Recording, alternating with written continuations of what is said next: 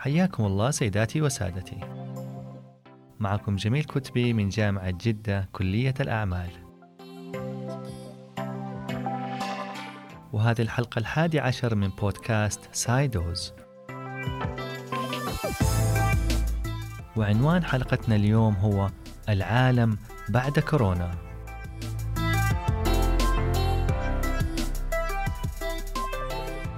يمكن أن نختلف بأن العالم يعيش حالة هلع وخوف بسبب المستقبل المجهول اللي تسبب فيه فيروس كورونا. اقتصادات العالم انهارت والحدود أغلقت بين معظم الدول.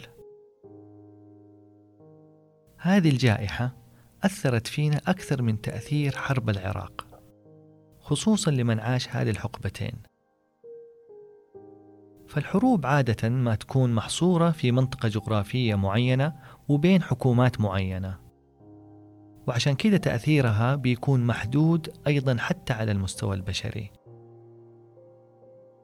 لكن فيروس كورونا ضرب العالم كله وأثر على كل البشرية وقياداتها. التحدي اليوم اللي تعيشه الدول هو مواجهة حربين في نفس الوقت. الأولى هي حرب على مستوى الأنظمة الصحية في العالم في محاولة حد انتشار وتقليص عدد الوفيات بحول الله. والثانية هي حرب اقتصادية صناعية لوجستية. تحاول الدول إنها تقلص الركود الاقتصادي بسبب حالة الشلل اللي عايشها القطاع العام والخاص وبسبب اعتمادهم على بعضهم. بالإضافة لانقطاع الكثير من سلاسل التوريد العالمية وتوقفت الكثير من المصانع في كل القطاعات بسبب شح المواد الأولية ال raw material وأيضا بسبب عدم القدرة على الاكتفاء الذاتي وشح الكثير من المنتجات في السوق. والآن أصبح أمام الدول ثلاث خيارات لا رابع لها في مواجهة الأزمة الصحية الاقتصادية. أول خيار ألا تقوم الدول بحجر منزلي ولا حظر تجوال ويعمل القطاعين الخاص والعام بطبيعتهم. ولكن بدون تقديم أي حزم مساعدات مالية من الدولة للقطاع الخاص. حينها راح تكون حالات الوفاة كبيرة جدا ولكن التأثير السلبي على الناتج المحلي حيكون أقل ما يمكن. ثاني حالة أن تقوم الدولة بحجر منزلي وحظر تجوال. بدون حزم مساعدات مالية وحينها تكون الوفيات قليلة ولكن التأثير على الناتج المحلي حيكون أكبر ما يمكن. ثالث خيار وهو الأفضل زي ما بتوضح الأرقام وهو إنك تقوم بحجر منزلي ومنع تجوال وفي نفس الوقت تقدم حزم مساعدات مالية للقطاع الخاص. وحينها راح تكون الوفيات قليلة والأثر الاقتصادي السلبي متوسط. وهذا ما تقوم به المملكة حاليا. فالمملكة اتخذت حزمة من القرارات المصيرية والمهمة في الوقت المناسب وقبل كل الدول. جعلت مننا مضرب مثل على المستوى الدولي بحمد الله. وهذا في نظري يخفف وطأة الأزمة علينا كسعوديين مقارنة ببقية الدول. لكن ما زلنا في أول المعركة مع هذا الفيروس اللعين السريع الانتشار. وهذه الفترة اللي بنعيشها هي عنق الزجاجة واللي راح تحدد مصيرنا كشعب. فإما إننا نلتزم بتوجيهات قيادتنا أو قل على الدنيا السلام to be or not to be على قول شكسبير. أما على المستوى الدولي المملكة بادرت كقائد المجموعة العشرين ودعت إلى عقد اجتماع طارئ عشان نضع استراتيجيات دولية يتعاون فيها العشرين الكبار ويساهموا في إخراج العالم من هذه الأزمة بأسرع وقت وبأقل الأضرار الإنسانية والاقتصادية. وفي نفس الوقت نجد أن هذه الجهود الجبارة أبرزت قدرة المملكة الاستراتيجية في إدارة الأزمات والكوارث. مما يبرز مكانتنا الدولية وأحقيتنا في قيادة المنطقة. اليوم حديثنا حيكون عن العالم بعد كورونا. نحاول نتصور التغييرات الجذرية اللي بدأت تحدث وحتستمر سواء على المستوى الاقتصادي والسياسي والاجتماعي. في هذه الحلقة راح أعرض بعض آراء الخبراء من مختلف الدول ونشوف تصورهم الواقعي للعالم بعد أن تنتهي حربه مع كورونا بحول الله. الآراء اللي راح أعرضها اليوم هي تلخيص لحوار أجرته آه، مجلة الفورين بوليسي ونشر في موقعها قبل أربع أيام. في البداية آه، راح أستعرض عدة نقاط جوهرية وبعدها راح أنقل لكم آراء الخبراء والمحللين بمختلف منظوراتها الاقتصادية والسياسية والاجتماعية وما إلى ذلك. لكن في عدة نقاط متفقين عليها جميعا كمجتمع دولي. من أول الملاحظات. فشل أمريكا والغرب بشكل عام في قيادة العالم وتحول الدفة إلى الصين ودول جنوب شرق آسيا. بالإضافة لذلك النظام العالمي وموازين القوى راح تتغير بشكل كبير جدا وراح يختلف علينا العالم من كل النواحي. فراح نشوف في تحالفات جديدة وراح نشوف في انكفاء داخلي أكثر من الدول على نفسها وراح نشوف في سياسات داخلية وخارجية راح تغير كثير من ملامح وجودنا في هذه الأرض.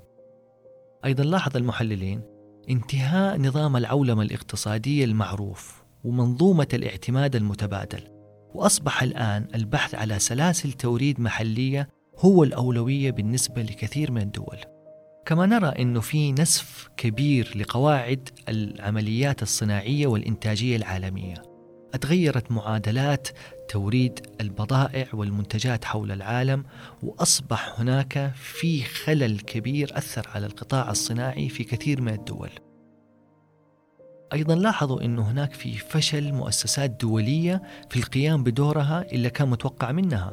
وهذا الدور اللي هو التحذير والتنسيق للحد من الأزمات خصوصا الفيروسية منظمة الصحة العالمية أتأخرت كثير في الإعلان عن تحول الفيروس إلى جائحة. وهذه نقطة جدا مفصلية وجوهرية. كان التوقيت جدا مهم للحد من انتشار هذا الفيروس وتركيز الدول على تقفيل حدودها وإلى الإعلان الرسمي العالمي من أهم منظمة صحة عالمية بأن الموضوع انتقل إلى المستوى الأحمر وأخطر مستوى يمكن أن نعيشه.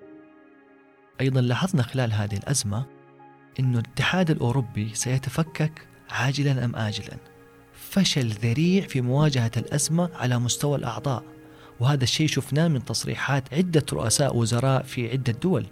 وجدنا أنه موضوع الوحدة وموضوع المساعدة ومواجهة الأزمات كان مجرد حبر على ورق للأسف. أيضا بيتوقعوا الخبراء أنه حيكون في مزيد من الانكفاء الداخلي الدول راح تتقوقع حول نفسها وتبدأ تركز داخليا على مواردها، على كفاءتها التشغيلية، على أمنها الغذائي، على أمنها الدوائي، على أمنها العسكري، هذه كلها الأمور أصبحت من أولويات الدول.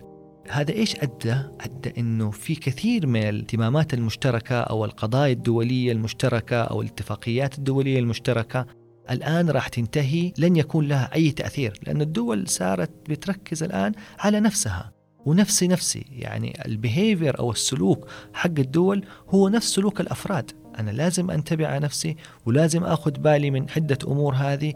قد تؤدي إلى آه، كوارث لا سمح الله إذا لم يؤخذ فيها يعني الإجراءات والسياسات الصحيحة التي ستساعدهم في الخروج من الأزمة هذه بحول الله ومواجهة أي أزمة قادمة قد تقع مستقبلا.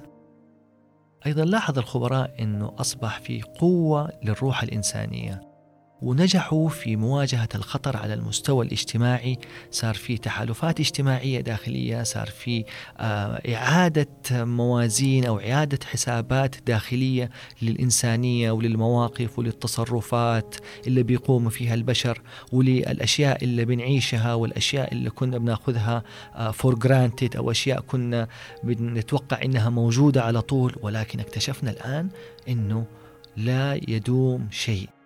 كل حاجة ممكن تتغير ولذلك يعني مفهوم الرفاهية ومفهوم الاستهلاك الفائض عن الاحتياج والانكفاء الآن إلى كثير من المبادئ الإنسانية وروح العائلة وروح المجتمع وإنه في مبادئ العولمه أثرت فينا بكل أمانة والآن بدأنا نصحى نوعا ما على مستوى الاجتماعي وبنعيد حساباتنا وبنعيد هذه الروح الإنسانية ونعيدها على السطح والحمد لله بنلاحظ هذا الشيء موجود ونتمنى إنه يستمر بحول الله. من الأشياء أيضا اللي ذكرها المحللين إنه الحرب هذه المنتصر فيها هو اللي راح يكتب اسمه في التاريخ ويحدد المستقبل بشكل كبير. هذه حرب الجميع مترقب ومنتظر العلاج إنه يأتي من أي مكان من الأرض. هذا العلاج راح يأثر في موازين القوة راح يعطيك قوة وإنفلونس ونفوذ اقتصادي ودوائي على مستوى العالم كله لذلك الجميع الآن مترقب لمن سيكتب التاريخ ويجهز كل استراتيجياته على بناء علاقات استراتيجية طويلة وقصيرة الأمد مع هذه الدولة أو هذا الكيان الذي سيجد العلاج وينهي هذه المأساة وهذه الحرب قريبا بحول الله.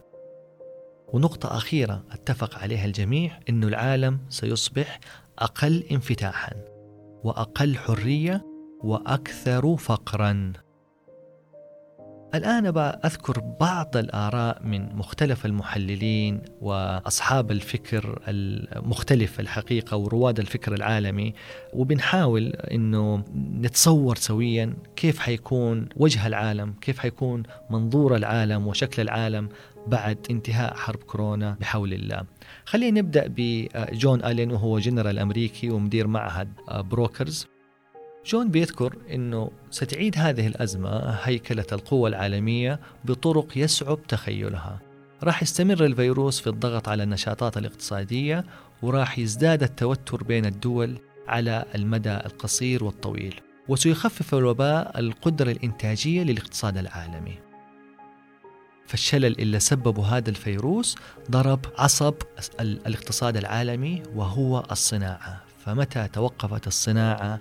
توقف الاقتصاد وهنا تبدأ تختلف الموازين وتبدأ الحروب الحقيقية بين الدول لمحاولة إعادة هذه الدفة الصناعية العالمية بحيث إنه يكون هناك اكتفاء ذاتي لدول ومناطق معينة وتقليص الاعتمادية على من دول أخرى آه، خارج منظومتهم أو خارج تحالفاتهم.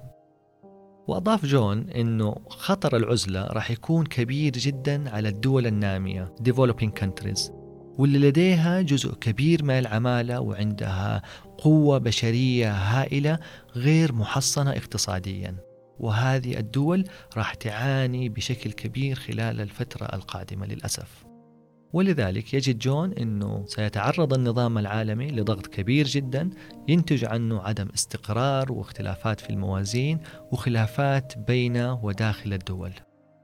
ومن وجهة نظر أخرى يذكر نيكولاس بيرنز وهو دبلوماسي أمريكي سابق أنه فيروس كورونا هو أكبر أزمة على مستوى العالم في هذا القرن. هذا الفيروس يهدد نحو 8 مليار شخص وهم سكان العالم. التداعيات الاقتصادية والمالية في نظر نيكولاس راح تفوق الأزمة العالمية اللي حصلت في 2008 ويرى أن الأزمة راح تغير شكل العالم بشكل دائم وراح تختل موازين القوة كما نعرفها الآن لأن التعاون الدولي غير كافي للأسف. ويرى نيكولاس أنه إذا لم تترك الصين وأمريكا تبادل الاتهامات والحرب الإعلامية الحالية حول من السبب وراء الأزمة ويتعاملوا بجدية مع الأزمة فإن مصداقيتهم راح تتأثر أمام المجتمع الدولي كاملا. فإذا لم يستطيع الاتحاد الأوروبي حماية مواطني ال 500 مليون فالحكومات الوطنية راح تسترد المزيد من القوة من بروكسل ومن الولايات المتحدة. وفي رأي آخر يرى ريتشارد هاس وهو دبلوماسي أمريكي سابق يتوقع أنه راح يكون في انكفاء على الداخل لمعظم الحكومات لعدة سنوات بعد كورونا. في محاولة البحث عن الاكتفاء الذاتي سواء على مستوى الدفاع والأسلحة أو على مستوى الأمن الغذائي أو على مستوى الأمن الدوائي. وهذا راح يسبب أزمة في موضوع هجرة الأعداد الكبيرة بين مختلف الاتحاد الأوروبي. وراح يؤدي إلى رغبة عدم مناقشة القضايا الخارجية بما فيها التغيير المناخي وتفضيل تخصيص الموارد للتعافي من الأزمة ويضيف ريتشارد أنه راح تجد العديد من الدول صعوبة في التعافي مع ضعف الدولة وتصبح الدولة الفاشلة أكثر ضعفا وانكشافا مما قبل. كما يرى أن الأزمة راح تؤدي إلى مزيد من الأضرار في العلاقات الأمريكية الصينية ومضاعفاتها على معظم دول العالم.